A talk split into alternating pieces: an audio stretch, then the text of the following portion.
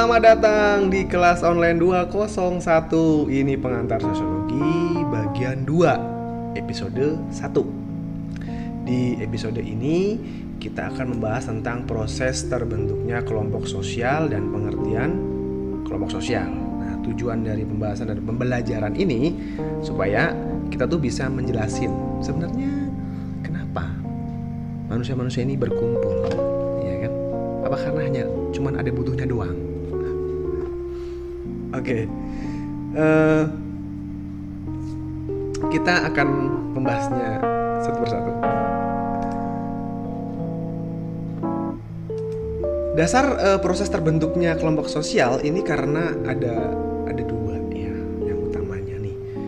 Karena manusia sebagai makhluk sosial memiliki keinginan atau hasrat utama. Ada dua, satu keinginan untuk menjadi satu dengan manusia lain di sekelilingnya ya kepengen punya teman tetap ya kan. Walaupun kadang-kadang kita juga kadang lebih nyaman temenan temannya sedikit ya kan. Tapi juga ada yang suka temennya banyak gitu. Yang rame-rame ada yang seperti itu.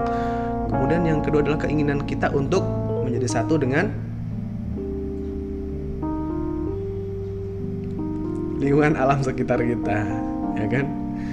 Nah maksudnya ini menjadi satu dengan manusia sekelilingnya itu ya kita terkoneksi ya kan terhubung sama orang-orang di lingkungan kita di rumah kita teman-teman kita ataupun orang-orang luar yang wilayahnya lebih cakupannya lebih luas kayak kayak perumahan kota provinsi bahkan negara bahkan seluruh bumi. Oke? Okay? nah menjadi satu nggak harus kok ada status yang jelas atau resmi sih kayak kamu sama dia. Dem-deman tiap hari tapi nggak tahu statusnya apaan Nah, contoh lain yang lebih masuk akal ialah orang-orang yang memproduksi handphone untuk kita. Kita emang nggak kenal siapa sih yang bikin sepatu kita, yang ngejahit baju kita mungkin ya karena kita hanya beli aja di, di di mall atau mungkin di toko baju atau mungkin di kaki lima ya terserah lah bebas lah itu.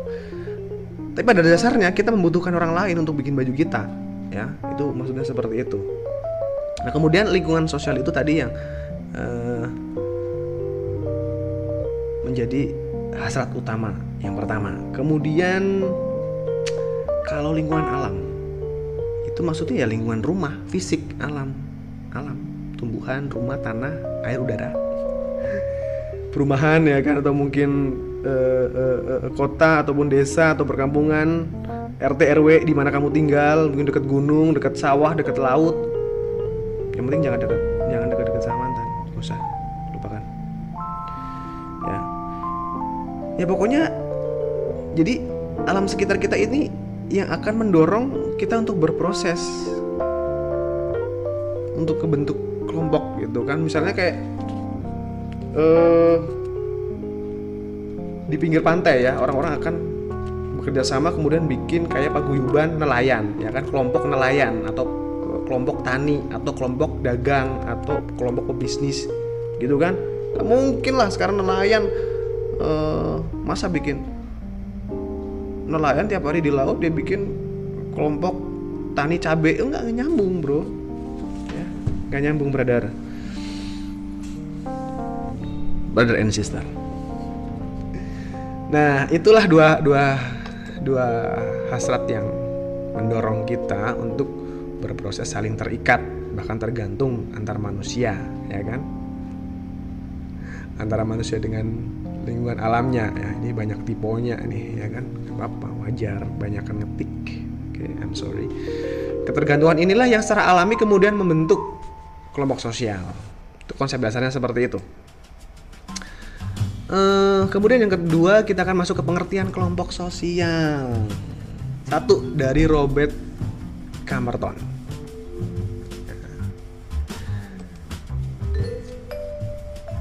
Kelompok sosial menurut Merton adalah sekumpulan orang yang saling berinteraksi sesuai dengan pola yang telah mapan. Nah, pola itu kayak corak, macam bentuk yang punya ciri khas gitu maksudnya.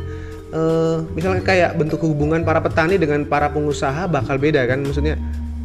E, kalau di kelas kalian aja misalkan gitu kan pola-pola bercandaannya kelasmu dengan kelas sebelah itu akan beda gitu kan dan itu akan apa ya punya ciri khas gitu maksudnya. Nah itulah maksud dari Merton ya. Pokoknya sekelompok orang yang punya ciri khas dalam berinteraksi dan itu mapan-mapan itu artinya udah dari lama kayak gitu ciri khasnya maka itu bisa dikatakan sebagai kelompok sosial. Kemudian ada Willa Huki ya.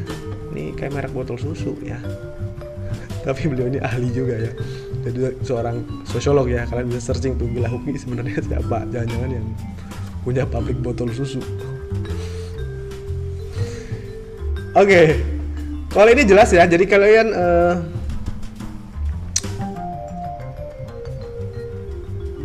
bisa me, apa namanya mendasari konsep kelompok sosial ini menurut Huki itu ya yang penting dua atau tiga orang itu berkumpul berinteraksi berkomunikasi sudah bisa dibilang itu kelompok sosial makanya uh, sering kalian misalkan uh, dulu-dulu nih ya sebelum belum sebelum pembelajaran online gitu kan. Hmm, kalian pamitnya ke orang tua mau kerkel nih mau kerja kelompok. Padahal kamu cuma makan berdua sama doi ya yang belum putus-putus sama pacarnya. Rasakan. Artinya kamu nggak nggak nggak bohong tuh sebenarnya sama orang tua kan. Kan kan berdua kan memang sudah sudah disebut kelompok sosial ya kan. Dan kan juga kerja makan juga kerja kan memang nggak ini kan nggak bohong kan? Gitu kan? Kemudian menurut Paul B. Horton Horton ini hmm, lebih kepada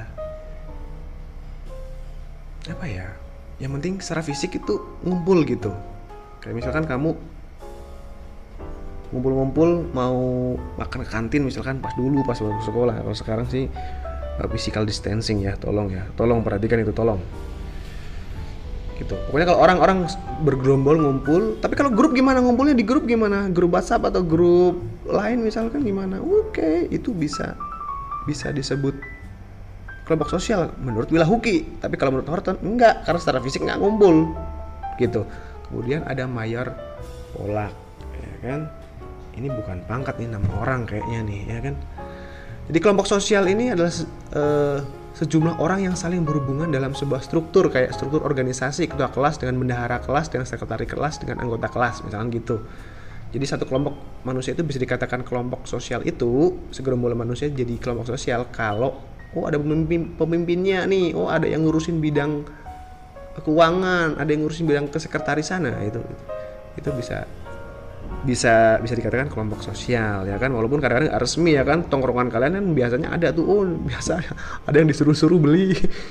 Ada yang sukanya cuma nyuruh-nyuruh gitu kan? Nah, kemudian menurut uh, Roland L. Warren kelompok sosial meliputi sejumlah manusia yang berinteraksi dan memiliki pola interaksi yang dapat dipahami oleh anggotanya secara keseluruhan Nah ini penting nih. Jadi kalau kamu misalkan nongkrong sama teman-teman kamu rame aneh misalnya, terus kamu bikin kelakuan yang aneh-aneh dan kamu nggak bisa dipahami sama teman-teman kamu, biasanya mereka akan bilang, uh, uh nggak kenal ya, nggak kenal, nggak kenal, gitu kan? Nah, kayak misalkan pas kalian lagi rame-rame makan tuh, ya kan tempat nongkrongan misalkan, tiba-tiba kamu pakai headset, terus kamu dengerin lagu, terus kamu nyanyi, nyanyi tuh keras-keras ya kan, kamu slow aja nyanyi ya kan, pakai headset tapi tapi itu di tempat umum gitu. Nah teman-teman kamu di sekitar kamu itu bakal bakal langsung lari yang ngejauh dari kamu gitu. Artinya kamu harus punya punya satu sikap cara ngomong bergaul yang bisa dipahami sama teman-teman segeng kamu tuh. Ya kan? Baru kamu akan dianggap. Itu kalau menurut uh, Roland L. Warren. Kemudian uh, di sini menurut McIver dan uh, Cihakuli ini bacanya CH kuliahnya ya nggak usah CH kuli itu nanti kamu kayak operator nih Kelompok sosial adalah himpunan atau kesatuan manusia yang hidup bersama. Pokoknya asal sama-sama kamu bisa dibilang kelompok sosial lah, ya kan? Nggak usah, nggak usah peduli lah. Kamu cuma dimanfaatin, oke? Okay? Kamu cuma dijadikan ojek online, nggak usah, nggak usah peduli itu. Yang penting kamu sama-sama. Udah, udah, udah nggak usah peduli yang lainnya. Gitu intinya ya. Nah, jadi ringkasnya, ya ringkasannya, kenapa sih manusia itu berproses menjadi kelompok sosial? Yang pertama itu karena manusia punya hasrat keinginan yang kuat untuk menjadi satu dengan manusia yang lain kemudian menjadi satu dengan lingkungan alamnya sekitarnya ya kan e, misalkan gini deh kalau lingkungan alamnya ada contoh lain juga misalkan kalau hmm, sepayung berdua kan karena alam itu hujan hanya temanmu yang bawa payung malah kamu nebeng payungnya. Atau kamu pulang sekolah kamu nebeng motornya atau nebeng mobilnya misalkan. Nah, itu karena menghadapi situasi alam maka kamu mau tuh. Ya kan? Jadi datang kalau ada butuhnya doang. Dasar nih. Oke, nah kelompok sosial ini jadi kita simpulkan secara ringkasnya adalah sekumpulan manusia yang saling berinteraksi baik langsung maupun tidak langsung. Punya pola, punya ciri khas, punya struktur, punya susunan gitu. Ya kan siapa pemimpinnya nih, siapa yang paling cengeng nih, siapa yang paling anu. Yang khas serta mapan. Mapan itu artinya ya berjalan ciri khas itu, pola itu tuh berlangsung lama gitu, nggak cuma sesaat ya. Jadi kalau temenan sesaat itu jangan deh. Ya, jangan jangan cuma sesaat. Saat itu cuma pelampiasan. Oke, okay, itu uh, pengantar sosiologi bagian 2 episode 1. Thank you sudah menyimak dan sampai jumpa di video selanjutnya.